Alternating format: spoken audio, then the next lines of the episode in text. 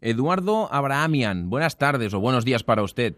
Buenas tardes para ustedes, bueno, buenos días para nosotros. Estaba diciendo yo ahora que el domingo vamos a tener la final del Mundial de Clubes entre el Barcelona y River Plate, con Messi en el Barcelona, pero podíamos haber visto a Messi en River Plate. Sí, por supuesto. Bueno, este, él viene, Leo viene junto con otro compañerito a probarse a River, este, un día martes. Eh, realizó una prueba, marcó una diferencia muy grande sobre los, los otros chicos. Bueno, este, le pedí si podía volver al otro día.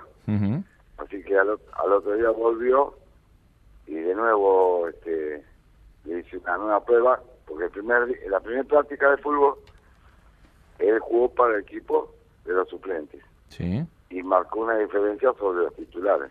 Estamos hablando de un niño que entonces tenía 12 años Sí, 12 años. y que eh, pedía una prueba por ver si en River Plate le fichaba. Exacto. Ajá. ¿Y usted, cuando vio ese niño de 12 años que marcaba 6, 8 goles en, un- en una práctica, ¿qué, qué pensó? No, marcó, no, marcó 11 goles, eh, hizo hacerle cuatro a su compañero, Ajá. que vino con él a probarse. Leandro Jiménez, ¿verdad? Eh, el compañero era Jiménez. ¿Qué se ha hecho de Jiménez? compa- ¿Es futbolista profesional, Jiménez? No, no, no, porque tuvo un problema en una rodilla y no pudo continuar con la carrera. Le decía, entonces usted cuando ve a un niño de 12 años que marca 11, 12 goles y que le cede 4 a su compañero, ¿qué piensa en ese momento? Que, que es un jugador diferente, como lo que está marcando ahora. Y aparte que eh, más allá de por ahí su físico no muy grande, este, él todas las cosas este, ante físico de jugadores más grandes, este, ante rivales pues, más fuertes, él con su técnica y su velocidad y su cambio de ritmo este, marcaba una gran diferencia. Y lo mismo para la definición cuando tenía que enfrentar a un arquero. Es la época en que la familia Messi estaba buscando un club que pudiera pagar el tratamiento que necesitaba Leo. Y ese fue el problema, ¿no? Por eso no le fichó River, por no pagarle ese tratamiento. Yo, yo no sé si tenía que hacer un tratamiento.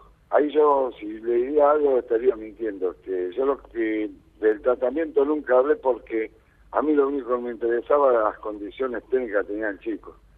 Y me gustaba mucho porque él tenía una frescura para jugar y una alegría bárbara. Y si usted lo veía tan claro, al coordinador de, de inferiores de River que usted llamó para que lo viera el tercer día de entrenamiento, también le sorprendió.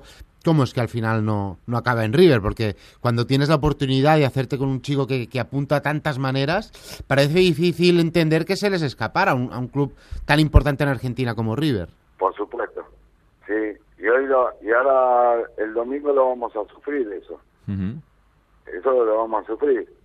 Pero cuando, ¿sabes qué pasa? Eh, a veces este, no, no entienden la parte dirigencial que uno no quiere, que no es un capricho que le fichar a un jugador, sino que sabe que ese jugador, si bien tiene que pasar sus pasos que corresponde año tras año, pero el jugador marcaba una diferencia muy grande.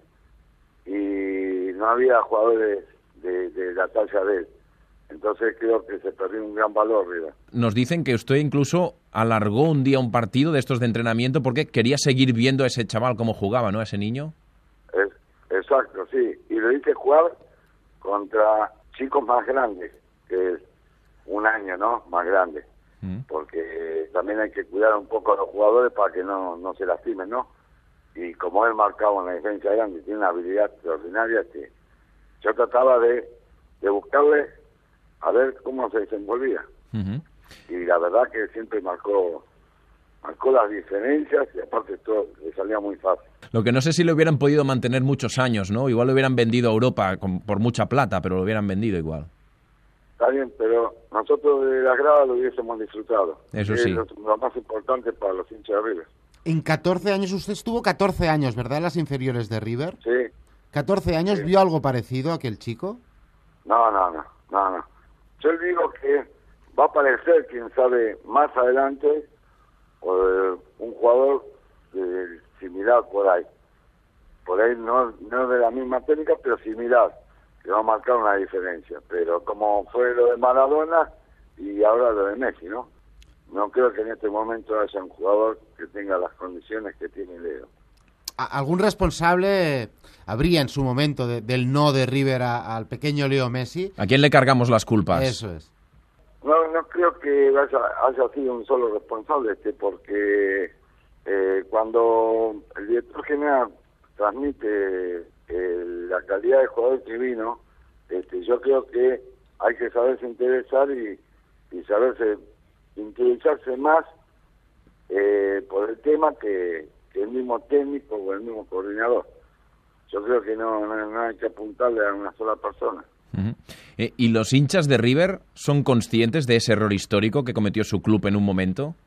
Y, sí, porque acá me hicieron varias notas a mí, este, en distintos diarios este, y en las radios.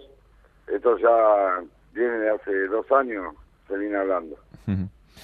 Pues hemos recordado ese episodio que podría haber hecho que en la final del domingo Messi no jugara con el Barcelona, sino que jugara con River Plate. Si le hubieran hecho caso al señor Eduardo Abrahamian, que recomendó, vaya, eh, con 10 minutos tuvo bastante para ver que ese chico que estaba probando con 12 años era una cosa fuera de lo común. Si le hubieran hecho caso, eh, el domingo jugaría con la camiseta blanca y la franja roja, Leo Messi, en la final del Mundial. Señor Abrahamian, gracias por atendernos y por explicarnos la historia. Buenas tardes. No, al contrario, agradecido soy yo, que tengan muy buenas tardes.